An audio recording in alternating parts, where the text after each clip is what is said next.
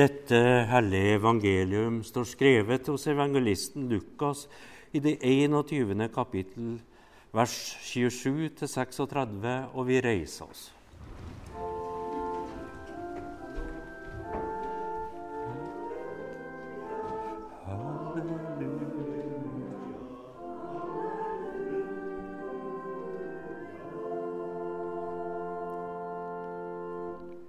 Da skal de se menneskesønnen komme i skyen med stor makt og herlighet. Men når dette begynner å skje, da rett dere opp og løft hodet, for da skal dere snart bli fri. Han fortalte dem en lignelse. Se på fikentreet og alle andre trær. Når dere ser at de springer ut, vet dere av dere selv at nå er sommeren nær. Slik skal også dere vite når dere ser dette skje, at Guds rike er nær. Sannelig, jeg sier dere, denne slekten skal ikke forgå før alt dette skjer. Himmel og jord skal forgå, men mine ord skal aldri forgå.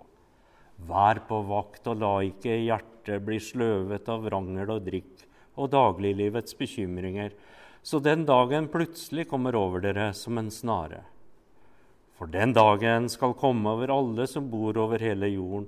Våg hver tid og stund og be om å få kraft til å komme velberget fra alt det som skal hende, og bli stående for menneskesønnen. Slik lyder det hellige evangelium.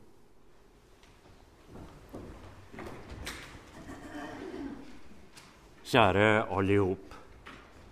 Da er vi her igjen Enda en gang er det allerede andre søndag i advent, og vi venter på jula av Han som skal fødes på nytt i våre hjerter. Sjøl regner jeg meg ennå som ny i Snåsa, men det er allerede min tredje adventsgudstjeneste her på Bergården, og jeg synes at tida flyr. Sannsynligvis har det med alder å gjøre. Jeg minnes så godt hvordan det var å være unge og vente på jul. Lange adventsdager og julekvelden som målet langt der fram.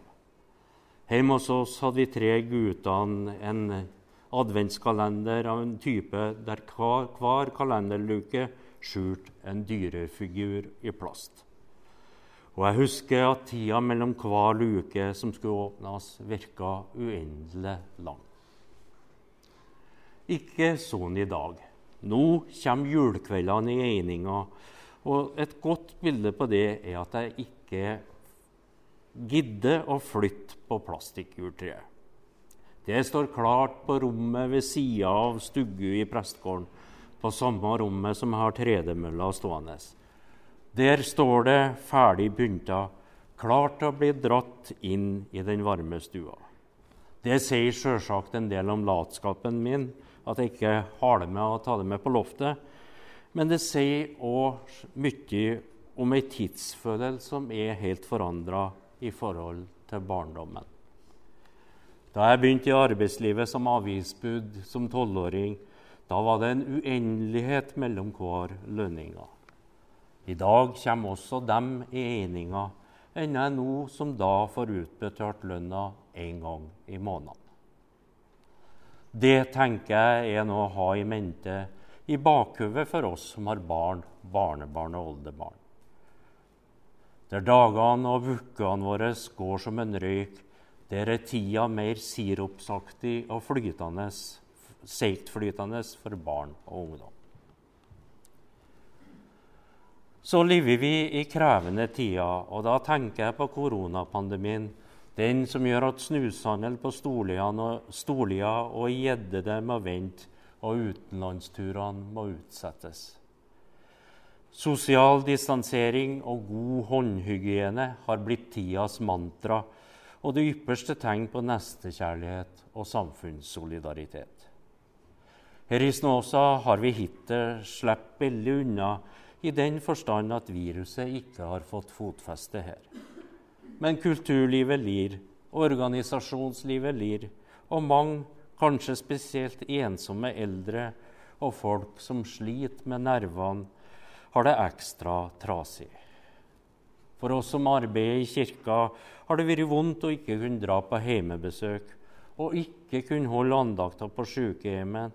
Og det har vært sårt å høre historier om folk som er døende med sterke restriksjoner i forhold til besøk av de nærmeste. Og til å begynne med, når vi kunne være maksimalt 15 i begravelser, da var det trasig og vanskelig for mange.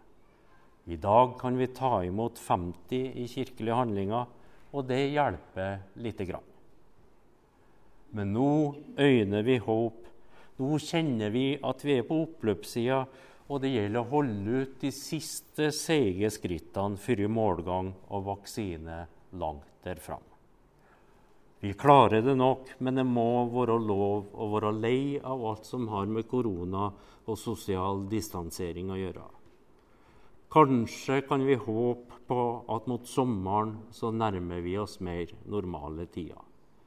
Og la oss be for bedriftene som sliter med å klare seg gjennom den siste tida før normalisering. Normalisering, ja. Det betyr nok ikke at alt blir som før. Vi har oppdaga at å ikke håndhelse og ikke stå helt oppi hverandre ikke bare stopper korona, men gjør oss mindre utsatt for vanlige forkjølelser farang og andre smittsomme sykdommer. Kanskje kan vi ta vare på noen av de nye vanene. Sjøl er jeg jo i utgangspunktet en ganske introvert fyr, og jeg må si at jeg setter stor pris på er slutt på klemmekulturen, der absolutt alle skulle klemme på hverandre i eninga. Dessuten har vi oppdaga at mange møter kan holdes digitalt. Jeg synes det er en befrielse å slippe å reise til Steinkjer eller Trondheim for å treffe kollegaer. Jeg håper at vi fortsatt kan møtes på skjerm. Det er miljøvennlig, lite trafikkfarlig, og det er svært tidsbesparende. Og det tror jeg at store deler av næringslivet har oppdaga. Og jeg tror det skal godt gjøres om flytrafikken noen gang når gamle høyder og at vi fortsatt, fortsatt, kommer til å fly mindre, det vil gagne miljøet, men ikke arbeidsplassene i luftfarten og på overnattingsplassene. I heldigste fall vil flere av oss fortsette å feriere i eget land, men det er nok ikke nok til å kompensere for mindre reisedøgn og overnatting i, i næringslivet så har vi på nytt lært at menneskeheten er sårbar, og at vi er forbundet med hverandre. Til oss kom viruset gjennom skiturister i Alpene, men det er nok ikke sånn at vi hadde berga om vi reiste mindre. Reist mindre gjorde de i 1918, men spanskesyka kom likevel. Også svartedauden spredte seg gjennom verden, sjøl om folk ikke reiste på chartertur den gangen. Men er verdens folk og land forbundet med hverandre, så må vi òg møte helseutfordringer med samarbeid og nestekjærlighet, ikke med utskjelling og mistenksomhet. Samarbeid gjennom Verdens helseorganisasjon er viktigere enn noen gang, og alle kristne og mennesker av god vilje må sammen møte utfordringene med respekt, kjærlighet og solidaritet med hverandre.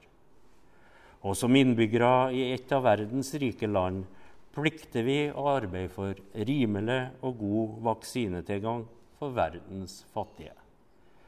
Fattigdom er i seg sjøl et kjempeproblem.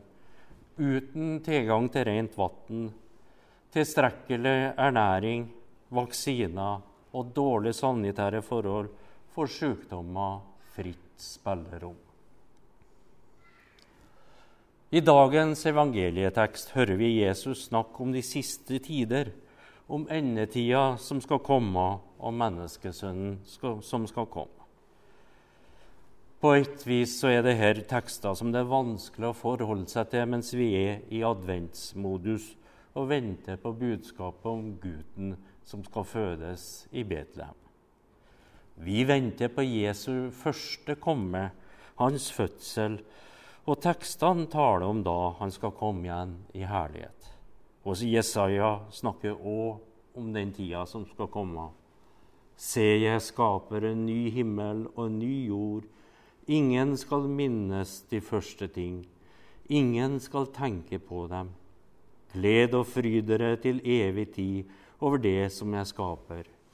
For se, jeg skaper Jerusalem om til fryd, og folket der til glede. Jeg vil fryde meg over Jerusalem og glede meg over mitt folk. Aldri mer skal det høres gråt eller klageskrik i byen. Det legger sjølsagt håp og trøst i den siste teksten. Om verden er en jammerdal med korona, fattigdom, krig og strid, så gir Bibelens ord og løfte om en ny himmel og en ny jord håp. Aldri mer skal det høres gråt eller klageskrik i byen, sier Jesaja. Og det er greit. Verden har ei begynnelse, og den har en ende. Når endetiden kommer, vet ingen noe om. Dagen og timen kjenner ingen, ikke engang Sønnen, står det skrevet i Matteus. Problemet er bare om vi blir for himmelvendt, om vi i møte med dagens plager resignerer og kanaliserer alt vårt håp til ei framtidig paradisisk himmel og ny jord. Det er en god horisont å ta med seg, bare vi ikke gir opp kampen for mer himmel på jord, mer rettferdighet, mer fred, mer nestekjærlighet, mer solidaritet i det her livet her og nå. Vi er kalt til å være lys og salt i verden. Vi skal være surdeig som får Guds rike til å bryte fram. Her og nå, i det her livet. Vi må ikke bli så himmelvendt at vi utsetter alt det gode til det hinsidige, til det framtidige paradis. Det som er bra med disse tekstene, er at de insisterer på at det haster. Vær på vakt og la ikke hjertet bli sløvet av rangel og drikk og dagliglivets bekymringer, så den dagen plutselig kommer over dere som en snare. For den dagen skal komme over alle som bor over hele jorden. Våk hver tid og stund og be om å få kraft til å komme velberget fra alt det som skal hende, og bli stående for menneskesønnen. Det betyr på ingen måte at endetida er rett rundt hjørnet. Men vi har godt av å bli minnet på at livet er kort, at det er nå vi lever i vårt liv. Det er nå det gjelder. Det er nå vi skal elske vår neste og våre fiender. Det er nå vi skal våke i verdens natt. Det er nå vi skal elske, nå vi skal be, nå vi skal le. For livet er som en julekveld. Plutselig er det over. Ære være Faderen og Sønnen og Den hellige ånd, som var, er og forblir én sang Gud fra evighet til evighet. Amen.